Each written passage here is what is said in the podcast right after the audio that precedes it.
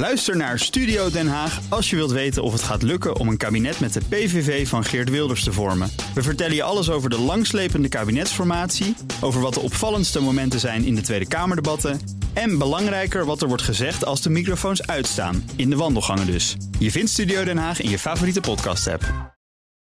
Factgoeroes.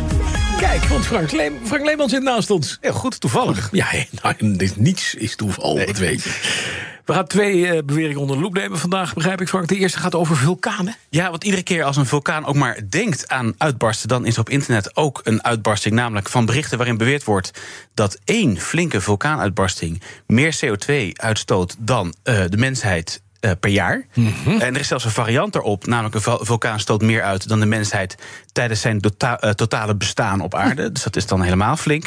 Uh, het is een bewering die mij pas dit jaar opviel. Toen ja. vorige week de Kilauea-vulkaan op Hawaii weer verder ging met actief zijn na wat gepruttel in november. Dacht ik, ja, ja misschien is het wel zo. Zou het wel zo zijn? Ja. En dan ga je onderzoeken, hè? Precies. Op foto's zie je altijd dikke rookwolken, uitstoot, as, puin, noem maar op. Maar CO2. Nou, ik sprak hiervoor Michiel van Welen, onderzoekswetenschapper bij het KNMI. En eigenlijk is het al heel vrij snel uh, duidelijk. Het lijkt misschien heel erg veel wat zo'n vulkaan uitbarst. Maar zelfs de grootste vulkaanuitbarstingen, zoals de Pinatubo in 1991 op de Filipijnen, uh, die stoten. Op dat moment uit net zoveel als 1 of 2 procent van de jaarlijkse uitstoot van de mens op dit moment. Ja, nou is er toch wel heel veel uit één pukkel die uitbarst. Maar... Veel. Maar het is natuurlijk een fractie is... van wat wij uitstoten. Ja. En ik vond het wel leuk om even te laten horen wat het een absolute getallen dan is. De uitstoot uh, door menselijke activiteit, dan heb je het over 37 miljard ton CO2 per jaar. En bij de grootste, ons bekende vulkaanuitbarstingen van de vorige eeuw, uh, heb je het over uh, miljoenen ton.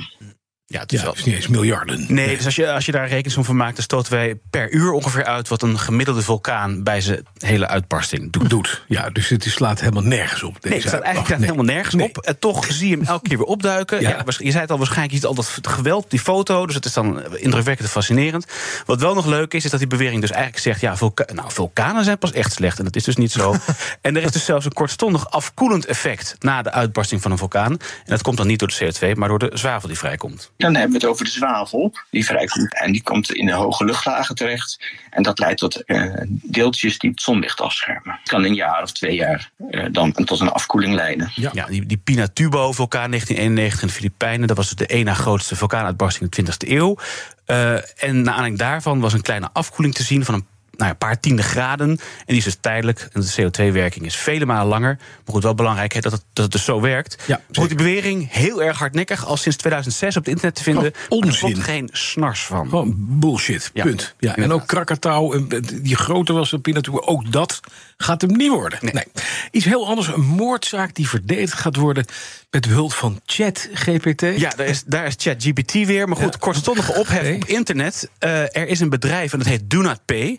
En Do Not Pay bestaat al een jaar of acht. En die had jaren geleden een soort webinterface... om snel parkeertickets te kunnen aanvechten. Hmm. Was behoorlijk succesvol. Dat leidde reeds tot een soort chatbot... op, op basis van een eigen techniek... die mensen kon helpen met het aanvechten van, van parkeertickets.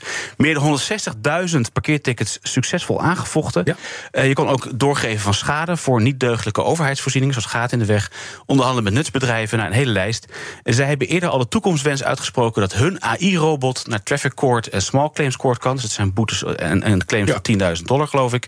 Uh, om mensen onder hun bekeuring of, of claim ja. uit te laten komen. Je, kan gewoon, je hebt een, een, stuk dat is AI gegenereerd... en dat leg je bij de rechter neer en die zegt, ja, klopt. Ja. Zo Separeer die handel. Ja. Oké, okay, ja. Maar dat is leuk. Bekeuringen, onderhandelen met nutsbedrijven, is iets anders. Want ze willen nu iets, iets heel anders. Ze willen een moord gaan verdedigen. Nou ja, zeker. En dan nog heel even over die traffic court nog. Ik heb in ja, Amerika ja. gewoond en ik moest ook naar traffic court. Ja. Uh, want ik was niet volledig tot stilstand gekomen bij een stopbord. Hm. Dus ik moest helemaal zenuwachtig. Want ja, toch court. Ja. Zo ga je erheen, lange rij. En maar uiteindelijk kom je dan uit bij een scherm. En daarop staat, do you plead guilty? Ja. En dan kan je dus klikken op guilty, not guilty of no, no contest. Dus ik ben het niet mee eens, maar betaal toch. Ik druk dan op guilty en dan verschijnt er gewoon een bedrag in beeld. En dan stop je creditcard ja, in de machine. En mag je weer naar huis. Dus dat is een beetje...